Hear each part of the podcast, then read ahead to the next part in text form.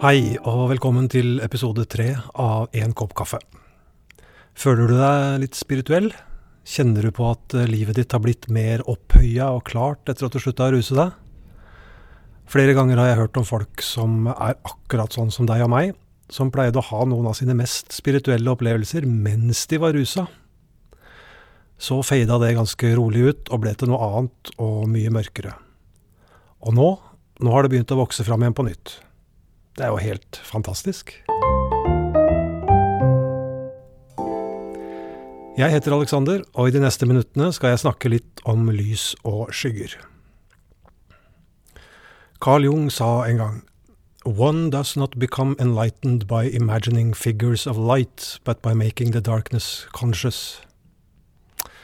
Jeg skal være forsiktig med å sammenligne meg med Jesus, eller Satan for den saks skyld, men la oss bruke dem som symboler da, for det gode og det onde. Samme hvor velmenende og omsorgsfull han var, hadde sikkert også Jesus sine indre skyggesider som vi aldri har hørt om. Og Satan, han har vel et softspot et sted, han også?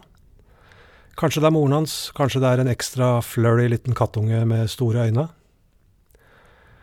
Vi har det i oss alle sammen, både mørket og lyset, hatet og kjærligheten, dysterheten og gleden, råskapen og den myke pelsen. Lys og skygger. Vi er motpoler og motsetninger, og vi kan ikke være det ene uten også å ha en god dose av det andre. Hvor dypt nede vi har vært, viser hvor høyt opp vi er i stand til å komme, og vice versa. Og så bruker vi mesteparten av livet på å fornekte våre egne skyggesider så mye at vi mister oss selv fullstendig. Lever vi bare på den ene siden av skalaen, så mister vi balansen. Hvis vi bare skal være hyggelige og greie og oppføre oss ordentlig, blir det veldig fort tungt på den ene sida. Vi har blitt så opptatt av hva andre mennesker mener om oss, at vi filtrerer alt vi sier, gjør og mener gjennom masse sosiale regler og normer før vi slipper ut. Vi beskytter oss sjøl med titler og merkelapper av alle slag, slik at vi passer inn i samfunnet og ikke støter noen med meningene våre. Alt er vakkert og fantastisk og hjerter og smileys. Men det er jo ikke helt sånn, er det vel? Egentlig? Vi mennesker er som hovedregel altfor opptatt av hva andre mener om oss. Fra vi er bitte små blir vi oppfostra på oppmerksomhet. Og uten at vi egentlig er klar, klar over det, har vi blitt fullstendig avhengig av opplevelsen av å spille en rolle i andre menneskers liv. Hva andre tenker og mener om oss, og hvordan de oppfatter oss, blir drivkrafta i alt vi foretar oss. Da er det lett å glemme å ta vare på, og hensyn til, oss sjøl. For alt dette her har jo absolutt ingenting å si. Hva andre mener om oss, er fullstendig likegyldig. Det eneste som virkelig betyr noe, er hvordan vi har det med oss sjøl. Hva mener jeg om meg? Hva og hvem er jeg, egentlig? Hvis jeg tar bort alt rundt meg, alt som setter merkelapper på meg, og som definerer meg for menneskene og samfunnet rundt meg, hva er jeg da? Hvordan har jeg det da? Hvis jeg ikke lenger har en sivil status, en jobbtittel, en bil, klærne mine, hjemmet mitt, vervene mine, vennene mine, senga mi, hagen min, barna mine, Instagram-kontoen min og pengene mine, hva er jeg da? Hva er det som får håret mitt å reise seg? Hva er det som gjør brystvortene stive? Når kjenner jeg på frykten, når velger jeg å stå i den, og når flykter jeg fra den? Det er på tide å frigjøre oss. Slutte å leve for alle andre. Slutte å la alle andre definere hvem vi skal være. På tide å være seg sjøl, helt, ikke bare stykkevis og delt.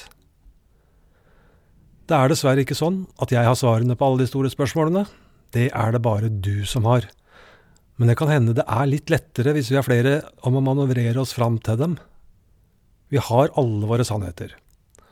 Og noen av dem er det kanskje på tide å vurdere på nytt. Noen kan vi kanskje innse at er eh, forelda. Og derfra kan vi begynne å lete etter hvilke lærdommer vi er nødt til å ta til oss, hvilke spørsmål vi må være villige til å svare på, og hvor ærlige vi tør å være mot oss sjøl. Jeg har både gode og dårlige nyheter. Det som er så synd, er at vi lærer så langsomt.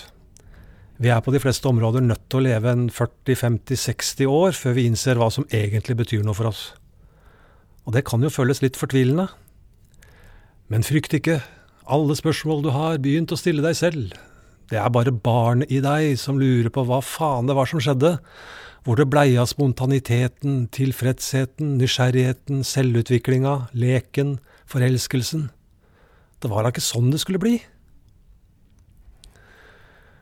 De flotteste menneskene jeg kjenner, har nesten utelukkende tydelige tegn på at de har levd en stund. Og derfor så stoler jeg litt mer på dem enn andre. Jeg er helt overbevist om at vi opplever avhenger av hva det er meninga vi skal forstå i dette livet. Jeg tror vi kommer til å oppleve de samme situasjonene igjen og igjen, helt til vi tar lærdom av det. Noen av oss er raskere enn andre, noen av oss må få det hamra inn gjentatte ganger. Men til slutt så sitter det. Hvis vi er villige, da. Og det er vel den eneste betingelsen for lærdom. Villighet til å forestille seg at ting kanskje ikke er helt sånn som du trodde.